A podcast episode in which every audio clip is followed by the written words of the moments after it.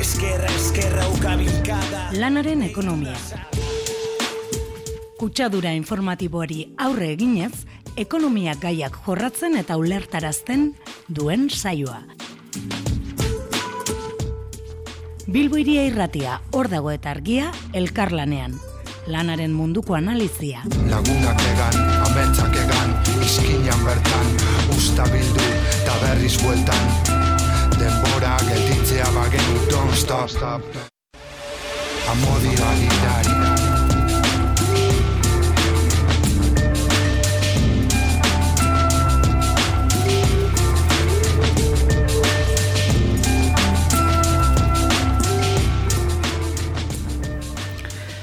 Bueno, bueno, ba, eungi etorria beste behin, beste aste, aste bat gehiago lanaren ekonomiako e, entzule guztioi.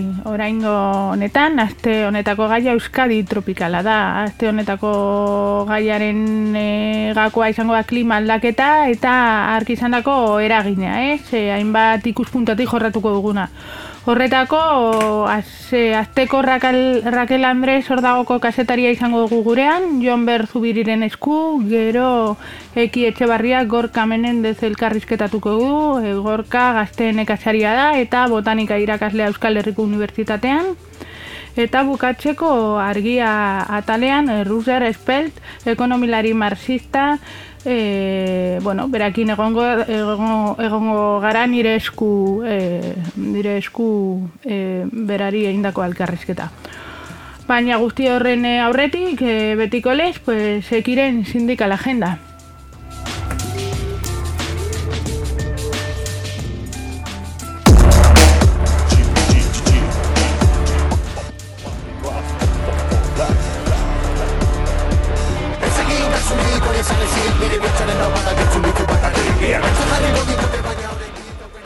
Tira, ba, urrengo egunetako sindikal agendarekin hasiko gara. E, azteko, ba, gaur otzaiak saspi, Bizkaian urdulizen mekaner enpresako langileak greba mugagabe hasi dute, gaur bertan, Stellantisek abiatutako izte eta deslokalizazio porrozosa gelditzeko. Izan ere, ba, egun da berrogeita sortzi lanpustu daude kolokan enpresa honetan. Gero gazteizen, Tubiza, tubiza autobus publikoetako langileak bost orduko loan egiten jarraitzen dute, Azteko hiru egunetan, goizeko bostetatik bederatzitara. Gurrengo astean, amarrean, greba mugaberi ekingo diote. Elektroteknia labesa eta ari arabako langileak irugarren lanuste, e, lanuste egun egin dute gaur, euren etorkizunaren defentzan. Eta gaur ere, Nafarroan, Siemens Gamesak, Aratzurin duen lantokiko langileak greba mugagabean daude otsailaren bostetik itxarmen duin eta bateratu baten alde. Bihar, otsailak sortzi, oinatiko natra enpresako langileek lanusteak egingo dituzte, itxarmenan ez dutelako atzera pausirik onartzen eta zuzendaritzaren blokeori aurre egiteko. E, otsailaren amairuan eta ma bostean, hogeta lau ordukoak egingo dituzte lanusteak. Oda, greba egunak izango dira. Ez egin gazurik hori esan ezik Nire bihotzaren taupadak entzun ditu bakarrik E, bihar, gazteizen, transizio energetikoaren eta klima aldaketaren legea onartuko dute EAJ, EH Bildu eta PSOEek. Orduan, lege horri esetz esateko, kontzentrazioa ditu du lurraren defentzan Euskal Herria bizirik plataformak amaiketan Eusko lege biltzarrean. Nafarroan, zizur nagusiko herritarren hizkuntza eskubideen aurka Nafarroko justizia ausitegi nagusiak emandako epaia salatzeko kontzentrazio deitu dute zenbait eragileek, zenbait eragile euskaltzale eta ELA Lab eta Estela sindikatuek bosterretan Nafarroko justizia ausitegi nagusiaren aurrean. Azpeitian, San Martin egoitzako langileek batzor, langile batzordeak kontzentrazioa ditu du, saspiretan, herriko plazan, e, ba, iragarritako kaleratzei esetxe esateko, eta e, hori, bai.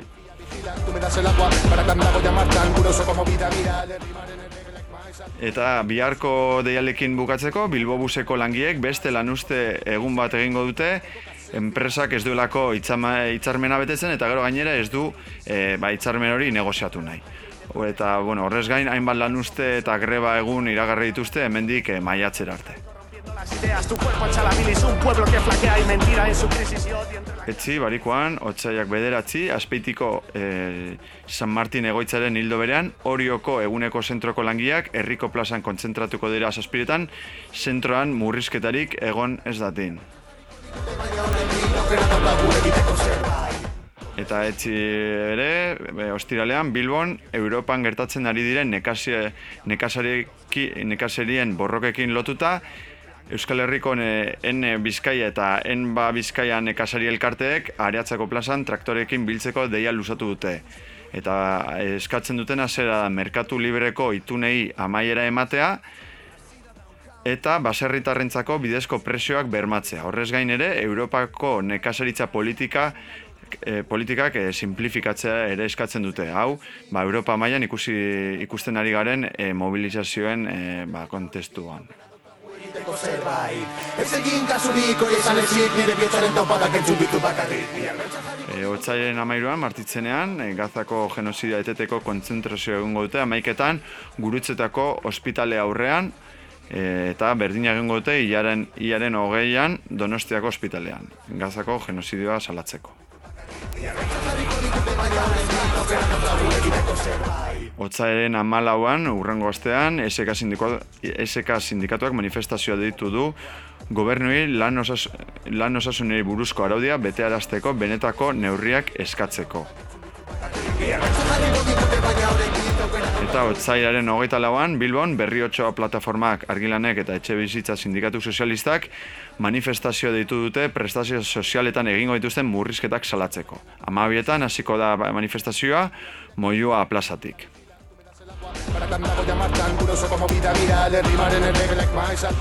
Barakan dago ja martxan, gure osoko movida dira Derrimaren erregelek maizat Eta e, sindika, e, sindikal agendarekin bukatzeko, otzaiaren hogeita zazpi, hogeita sortzi eta hogeita bederatzi egunetan, astigarragago Kotronik enpresan, telefonorikaren ospi kontrata dena, beste hiru greba egun egingo dituzte, lan istripu larri baten ondoren kaleratutako bi lankideak berehala lanera itzultzeko. Izan ere, enpresak e, kaleratu egin ditu langile hauek prebentzio neurriak betetzen ez zituzten e, aitzakiarekin. Orduan, e, pues, grebak, e, grebara joko dute bertako langileek.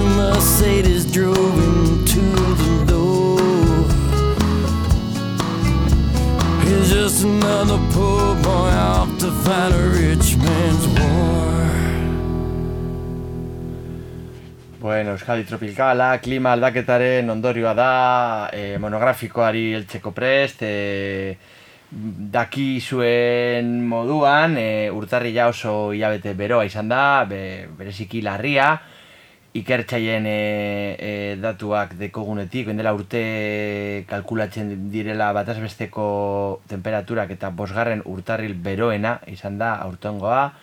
Eta dituek hasi dira e, gure klimaren mediterranizazioari buruz berbaiten, bero beroa igotzearekin, baina beste batzuk, eta horren inguruan arituko gara gaur, ba, Euskal Herriko klimaren tro, tropikalizazioa diote, azkenean da mediterraneoko beroa, baina gure betiko euria e, mantenduz. Orduan, bueno, e, horren inguruan e, aritzeko, e, e, gaur aztertuko dugu Raquel Andrés, hor dagoko kasetariak e, idatzitako artikulo bateri buruz, e, Raquel, ba, ingurumenaren, landa munduaren eta ekologismo, ekologismo eta klimaldaketen inguruko, inguruko gaiak jorratzen ditu hor dagon.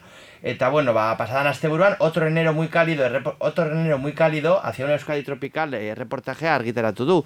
Eh, Arratsaldeon Raquel. Arratsaldeon. Bueno, ba, irakurri dugu zure artikuloa, eta, bueno, zergatik idatzi duzu artikulo hau? Ba, bueno, e, nire iritziz, inoiz, ez zaio utzi behar krisi klimatikoaz iziteari, hori baita egungo erronka nagusia e, askotan koinetuek edo e, negazionista klimatikoek azkaz, azkatzen digute urtarrilean beti izan direla bero egunak.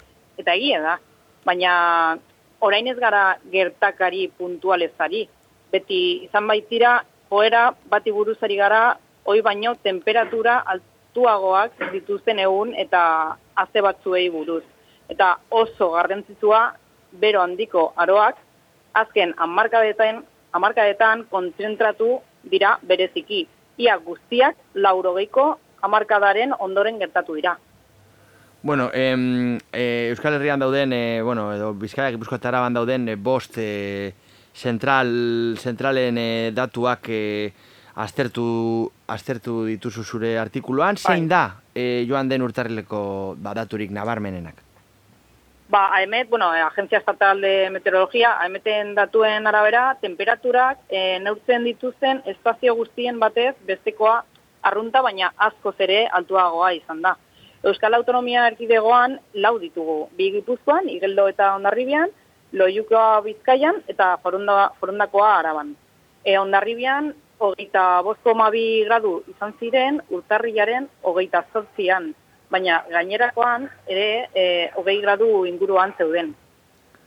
Bueno, em, beste datu batzuk aztertzen dituzu bai zu artikuluan, baina ez dugu aspertuko gure entzulek, e, oso bero izan da urtarria eta datu larriak, eta bueno, bereziki urtarriaren hogeita sortxikoa, baina joera, e, aurretik esan duzu moduan, e, aurreko egunetan bebai, eta ja beten bataz bestekoa, ba, bost, azken, e, azken amarkadetako e, altuenak izan dira.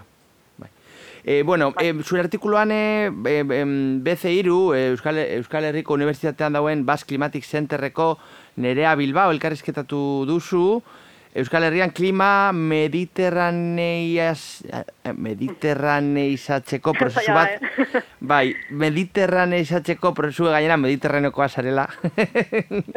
e, Nerea Bilbauk e, dio, e, klima mediterranizazio prozesu bat gertatuko dela, eta horrekin ba, lurraldearen zati handi bat itxura aldatu egingo dela, ez? Klima atlantikotik, bai. klima bai. mediterraneora, mende amaierarako, eta bueno, zer esan nahi du horrek?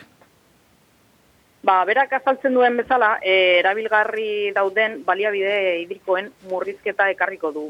Biodiversitateari eragingo dio, eragingo dio e, paisaian aldaketa handiak izango dira, lurrealdi, lurrealdearen zati handi batean, zelai berdei agur esan beharko diegu, e, itsasoaren maila egoko da eta horrek ondartzetan eragina izango du. Izurrite berriak etor litezke eta bar, e, Gorka Menendez Unibertsitateko irakaslea klima mediterraneoa edo tropikala izango den galdetu dio bere buruari. Ez dakigu zer gertatuko den euriteekin. Eta auriak normaltasun relatibo zaritze jarraitzen badu, klima tropikal baterantz joango ginateke. Claro, ontxe bertan, e, zure elkarrizketa eta gero, gorka Menendez bera elkarrizketatuko dugu baitare, eta, bueno, bera e, ba, ekosisteman, da- Euskal Herriko ekosisteman dakartzan joera aztertuko du, azken egunetan bebai Twitterren, ibili da, meren bere kontu, Twitter kontutik. E, dozeinean, zure reportaian, aparte nerea Bilbao BC-irukoa eta, eta EHUko irakaslea Gorka Menendez, baita EHko agroekologiako kolektiboko nekazari batekin egon da zara, eta ba, landa eremuko klima aldaketaren ondorioei ere garrantzia eman behar diagula diozu. E, bai, e, bueno, agroekologiari buruz hitz egiten e, garrantzitsua da nire, nire.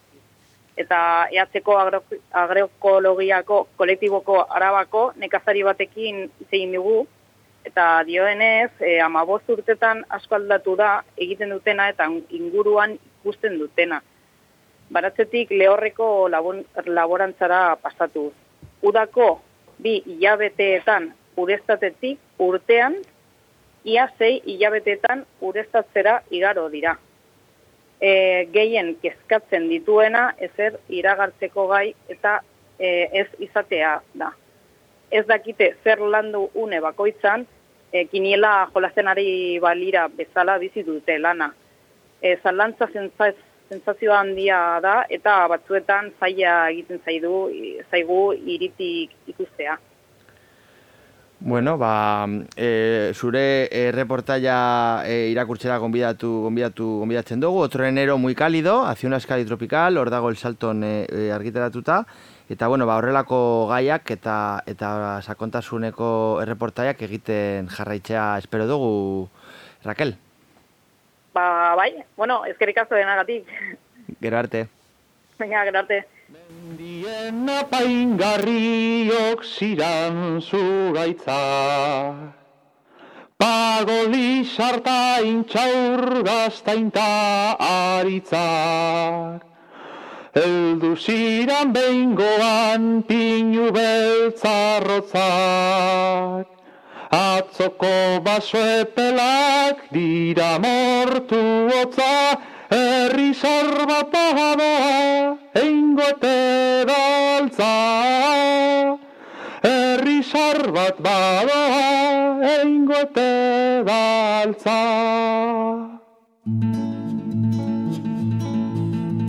Baserrian jaiotako anaz, eskola gitziko gizona. Aite tamaren erentzia, usadio sarrak baino ez. Iketzkin pastore karreteru, basoa dekot behar leku, pagadu jatzetan larra, jagotean eure beharra. Baie kaieko musikeari, zenbetekein gure jantzan, trenak edakarren mundu barrien labrantzea eidagatza. Eta gurean urre berdea pinuzko etorkizun baltza. Diru gozea sezia Dakarren enpatzulatza Euskaldu nolege zarra Libre baso eta larra. Ekintza zuzena Biotzak agintan doztena Ekintza zuzena, bihotzak agintan doztena. Ekintza zuzena, askatasunaren kirtena. Jorratu daigun ba bidea.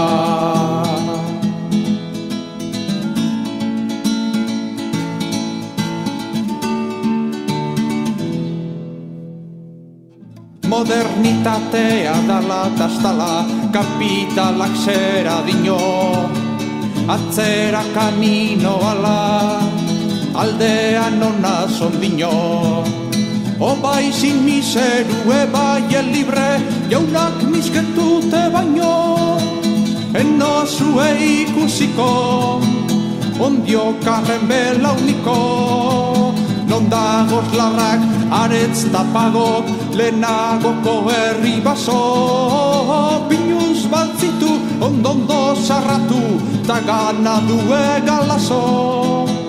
Entzun eiztekoa pinu sale Azena propietario. Eutzen agine baino Pospolo atzarrago. Euskaldun non lege zarra Libre baso eta larrak zuzena Biotzak agintan doztena Ekintza zuzena Biotzak agintan doztena Ekintza zuzena Biotzak agintan doztena Ekintza zuzena Askatasunaren kirtena. Jorratu daigun ba bidea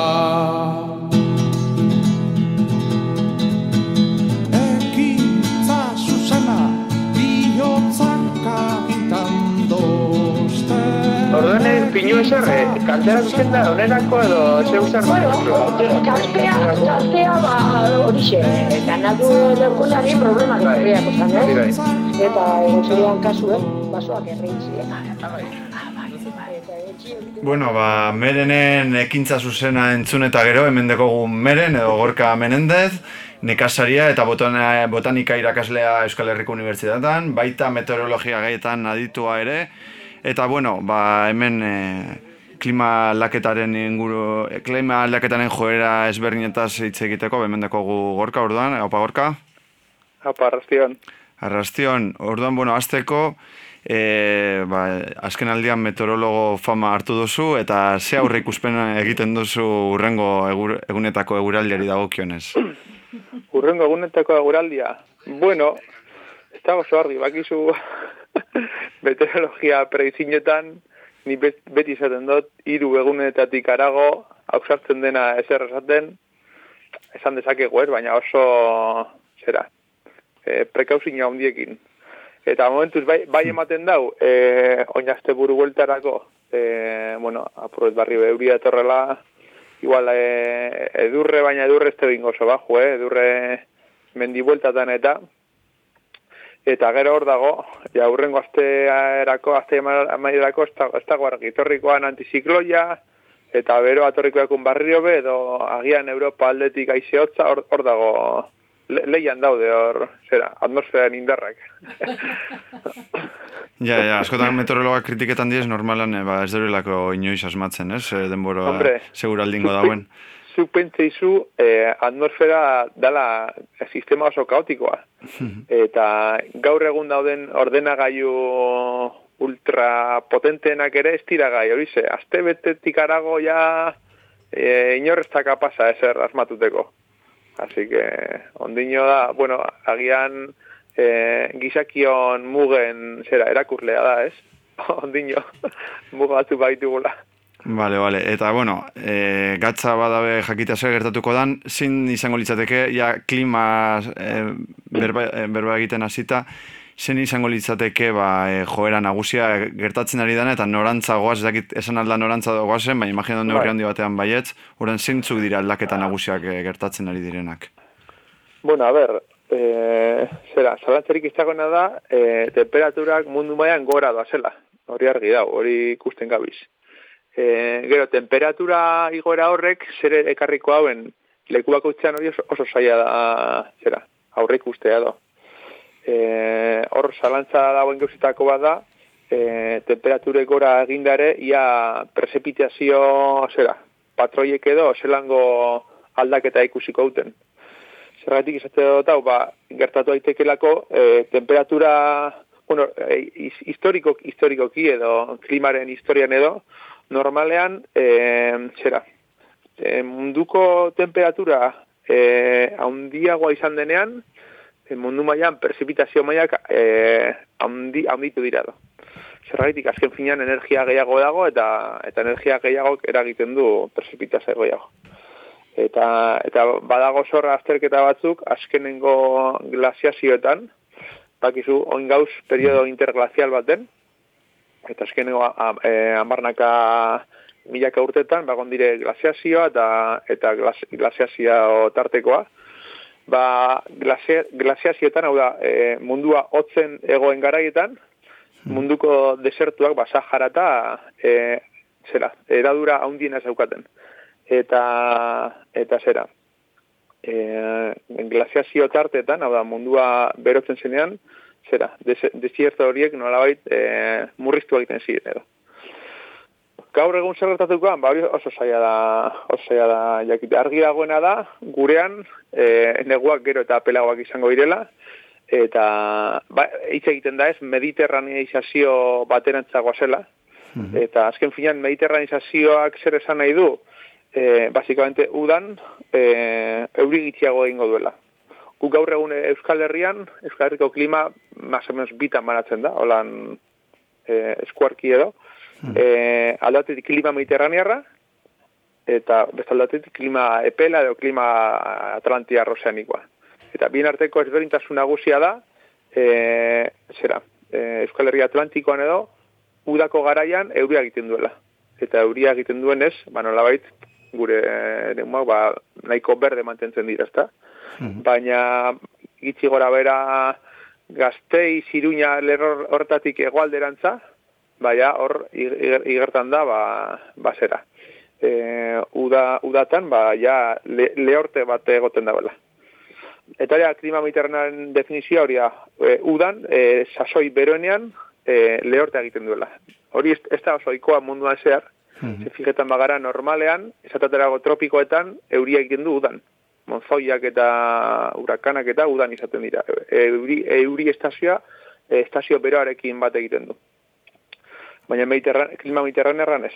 Orduen hor, ba, azken finean landare diarentzako, ba, asko begogorragoa, ze bero gehien egiten duenean, da, e, e, zera, euri gitzien eta ur e, disponibilitate gitzien daukaten garaia da, eta, ba, ba ez, ba, e, zera, ondo moldatuak ez baude, ba, desagertuko lirateke, bueno, la, e, landare asko, eta, eta igual baso formazioak epe bai, eta, Vale, eta orduan, e, bueno, hasi zara apur bat aipatzen, osea, Mediterrane, gure klima atlantiko, batez be Kantabria isurialdean Bai. dagoen, klima atlantikoaren e, mediterranizazio horrek, ze eragin dako urden, ingurumen naturalean edo? E, hasi ba, bai, Hmm. esan esan. Ez ez, hasi zara apur bat hori izaten, baina horretan sakontzeko. E, bai, alde batetik, e, zera, oinda, oindala bi urte egon zan, e, uda oso beroa izauen eta oso lehorra, eta hor, lehen esan dudan, hori ze, klima atlantiarra eta mediterranearraen arteko muga bat dago, transizio klimatiko muga e- ere muga esaten jakona, ba, uda, uda horretan, e, zera, landare pilo bat hor, ba, le, lehortu egin ziren. Batez ere hartadiak, hartadiak eta, eta pinudi batzuk. Eta hor, bueno, egiten irakurketa nolabait, me- mediterraneotasunaren, zera, muga hori, ba, iparraldera jo zeuela, kilometro batzuk gero, karo, hori ikusi behar da, ja, hori mantentzen dan joera, edo, edo ez, ezta? baina mantendu mantendukoela.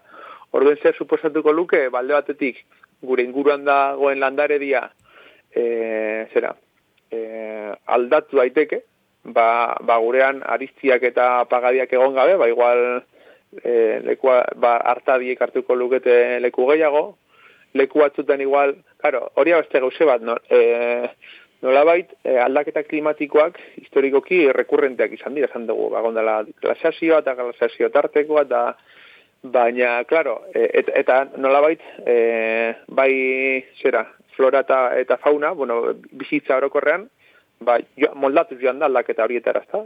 Gai izan da, ba, ba iparraldera egitea, egitea edo, edo goaldera egitea, edo mugitzea, ezta? E, aldaketa klimatiko horren arabera. Arazoa gaur egun da, e, bueno, munduan, baina igual Europan are gehiago, ba, ba nolai daudela, metropolia handiak, azpiegiturak eta orduan, e, bizitzak mugitzeko daukan gaitasun hori oso mugatua da, orduan, gerta daiteke, ba, ba, zera, e, bai landare dira edo bai zera, zera animali populazioak ezin mugitzea, eta beraz, e, euretzako egokiak diren balditza klimatikoak aldatu, eta ezin, ezin migratu, ezin, ezin mugitu ez daukatelako nora joan, eta, eta desagertu.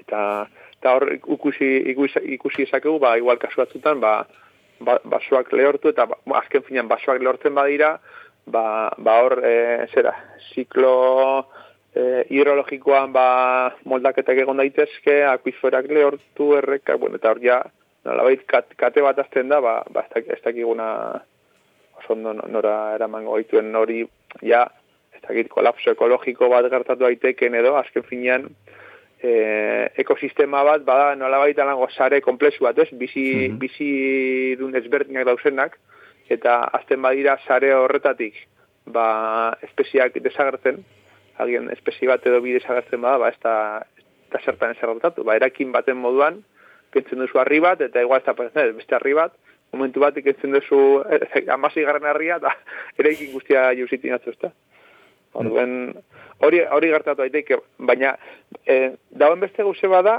nolabait, temperaturek gora ginala, au, aukera bada mediterraneizazioarena, bai. E, be bai, desertifikazioarena, hau da, gaur egun klima mediterranea, mediterranea daukaten eremuak agian desertifikazioaran zaioa jo dezakete, azken finean, hor nolabait, ba, Euskal Herrian badago eremu batzuk mugan daudenak, esateatarago bardeak barra dira ia ere desertiko bat, ezta? Hmm. Ba, orain gitxiago euria egiten badu, ba, hori hori hasta klima mediterraneo, hori klima desertikoa. Baina bai gertatu daiteke, e, temperature gora ginala tropikalizazio zera, e, fenomeno gertatzea edo.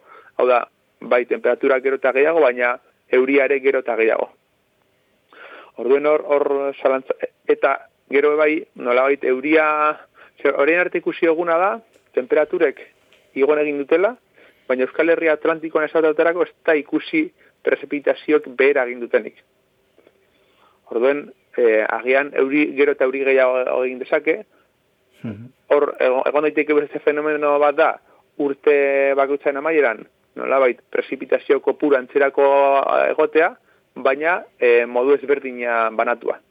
Esate baterako, zera, eh, prezipitazio haundiko zera, e, zera garaiak edo, e, bueno, handia gotzea edo, rekurrenteagoak egitea eta prezipitazio ertaineko zera garaiak e, txikitzea da.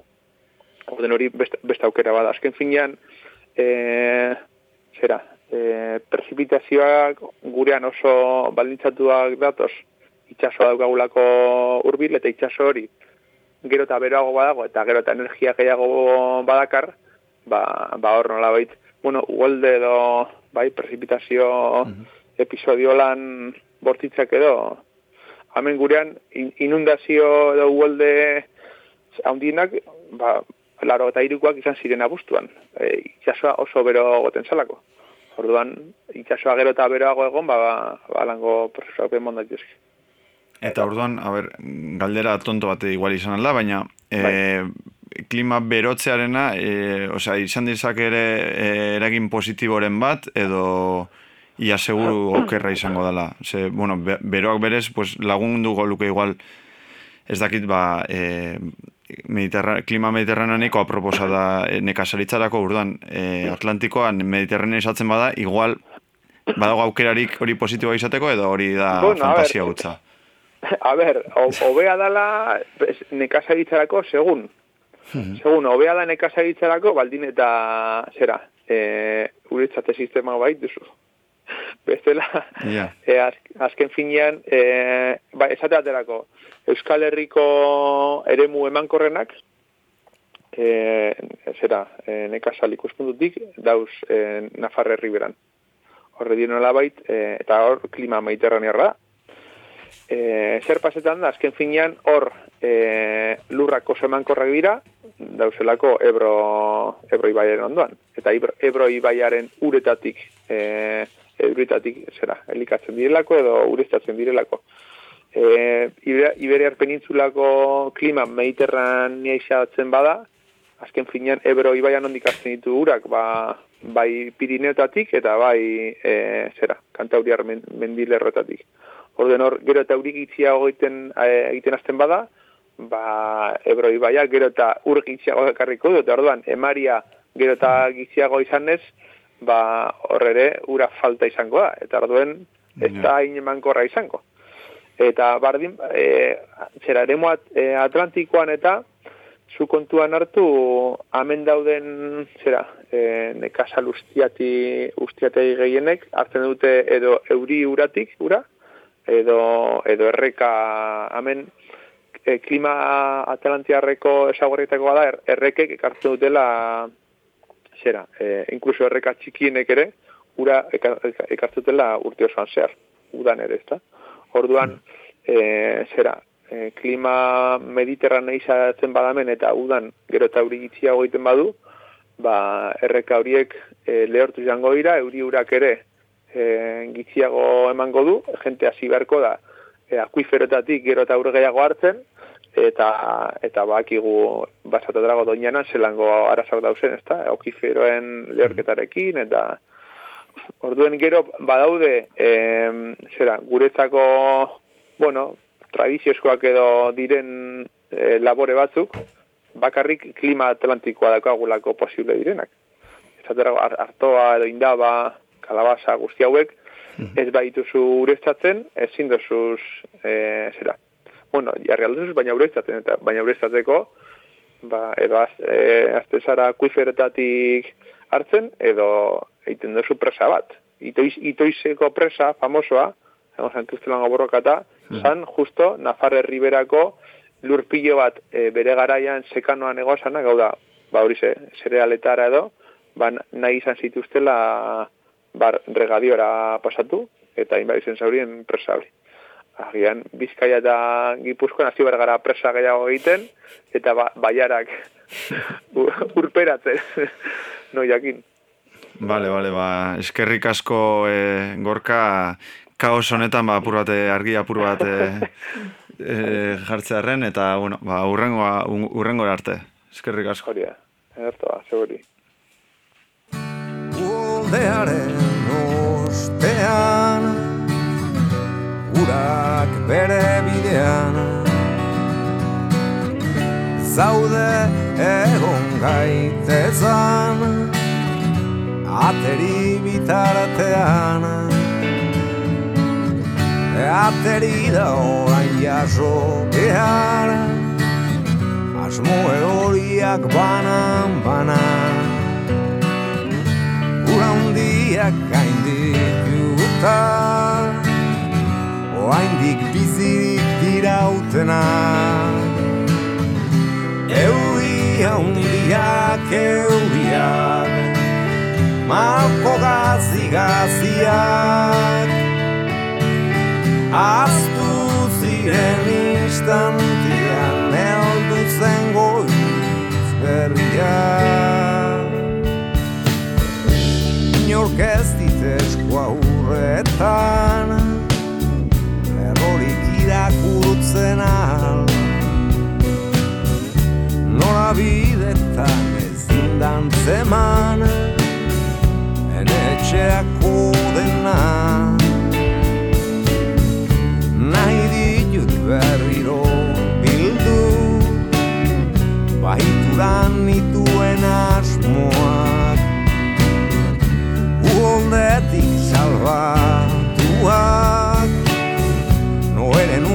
untzi batean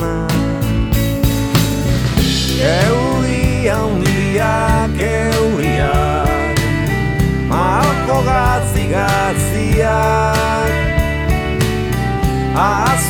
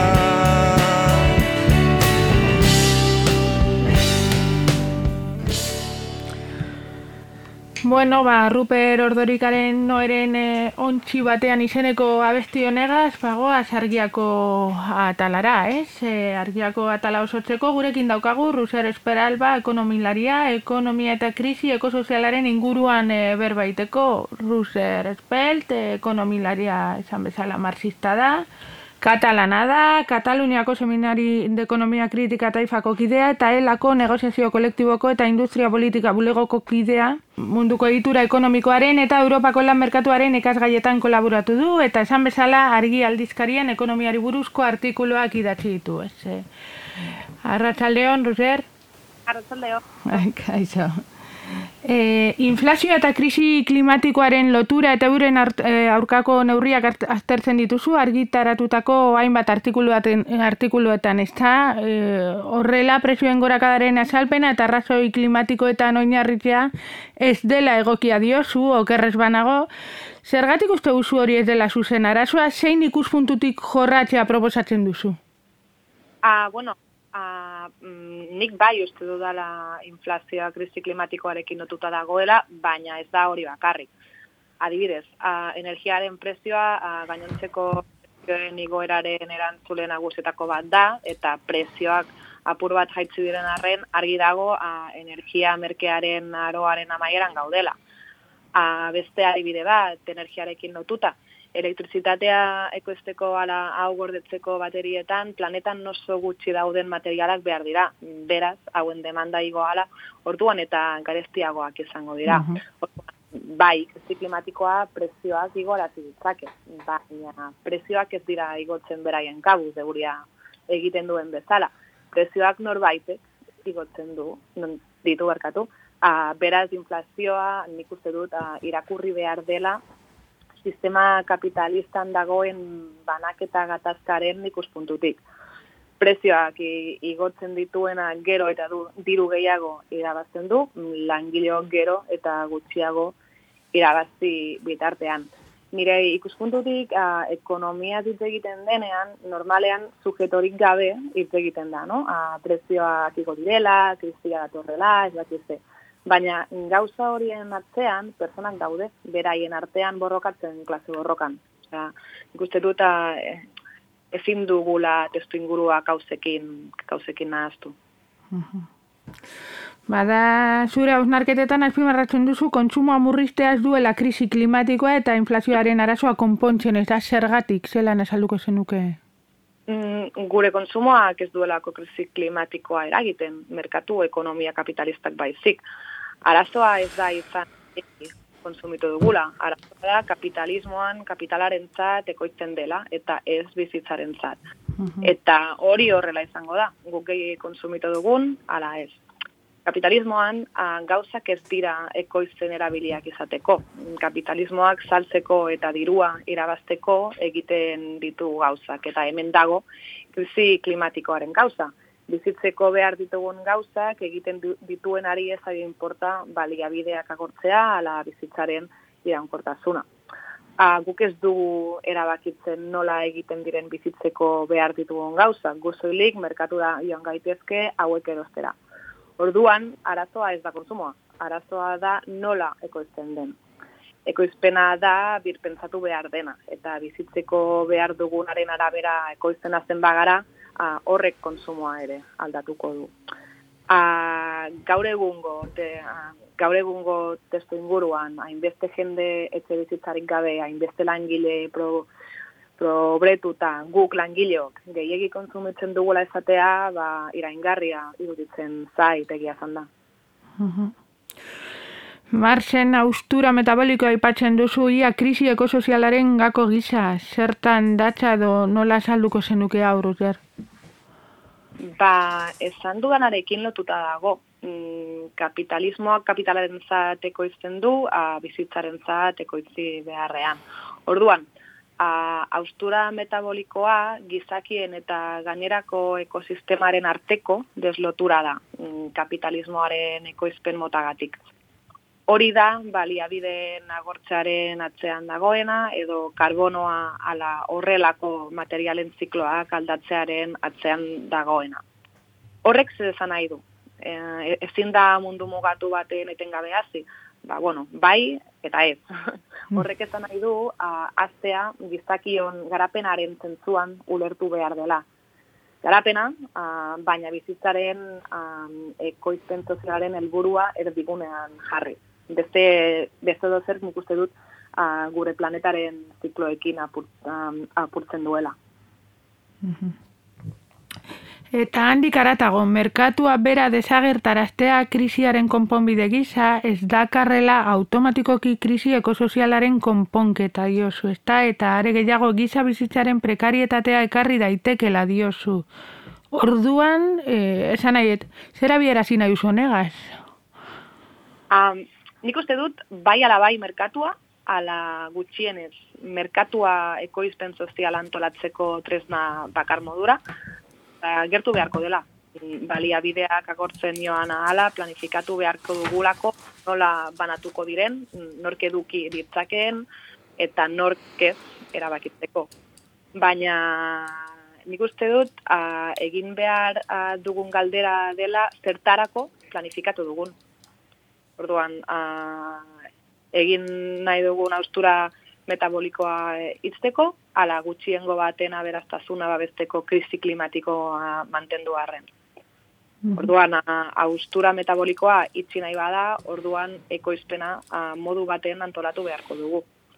A, horrek esan nahi du merkatua fizikoki dezagertuko dela, ba ez dakit, agian, osea, fizikoki a, merkatuak egongo dira, eta horra bizitzeko behar ditugun gauzen bila jongo gara baina ziur mm, dezagertu behar duena merkatu ekonomia kapitalista da. A, baina, bueno, a, gutxiengo baten aberaztazuna da besteko planifikatzen bada, antolatuko dena urri, urritasuna izango da. Balia biderik gabeko mundu baten, eta bai, a, horrek bizitzaren prekarietatea ekarriko du, gehiengoaren bizitzaren prekarietatea. Ba, eskerrik asko, indako ekarpen interesgarriengatik eta, bueno, espero dugu laster egotea gurekin berriz ere. Eskerrik asko, Resi. Eskerrik asko, agur.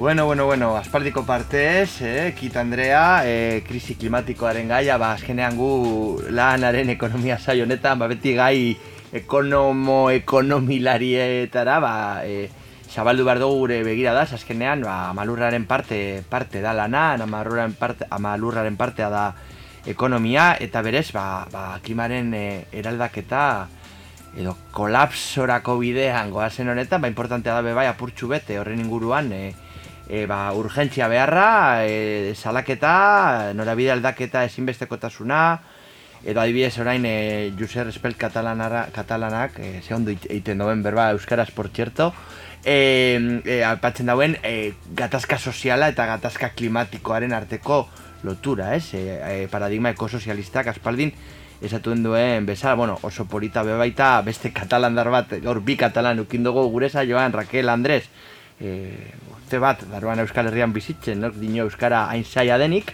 edo zeinean e, baita bere, bere hor dagoen egindako erreportaia, ez? Erako e, urtarril beroa eukin dugu, no tornero muy cálido, hace una Euskadi tropical, baita ere, erreportaia honetan, bagorka menendez, e, e, klimatologoa edo, edo klima aldaketan aditua, ba, ekosistemaren inguruko ondorioak aztertu ditugu, ez? Eta bueno, ba, hori dana, gure lanaren ekonomia sume honetan, gure egun eta ez dakizen baten garren saio, saioan, beti ere, ba, Bilbo iria komunitateari esker, bereziki e, Ibon Burgoa, beti mandoetan, baita Ane Zabala, erredaktorea eta, eta, eta erratiko kidea, zuei entxulei, Bilbo iriako entxule, eta baita ere, arrozasareko beste irratietan, ba, gure saioa, e, zabaltzen dituzuenei ba, eskerrik asko benetan e, eskertzen dela, gure helburu nazionala da, eta Euskal Herri osora ailegatzea dugu gure saio honen em, eh, zioa. Orduan, ba, hori dan esan da, eskertzea, eta datorren aste arte.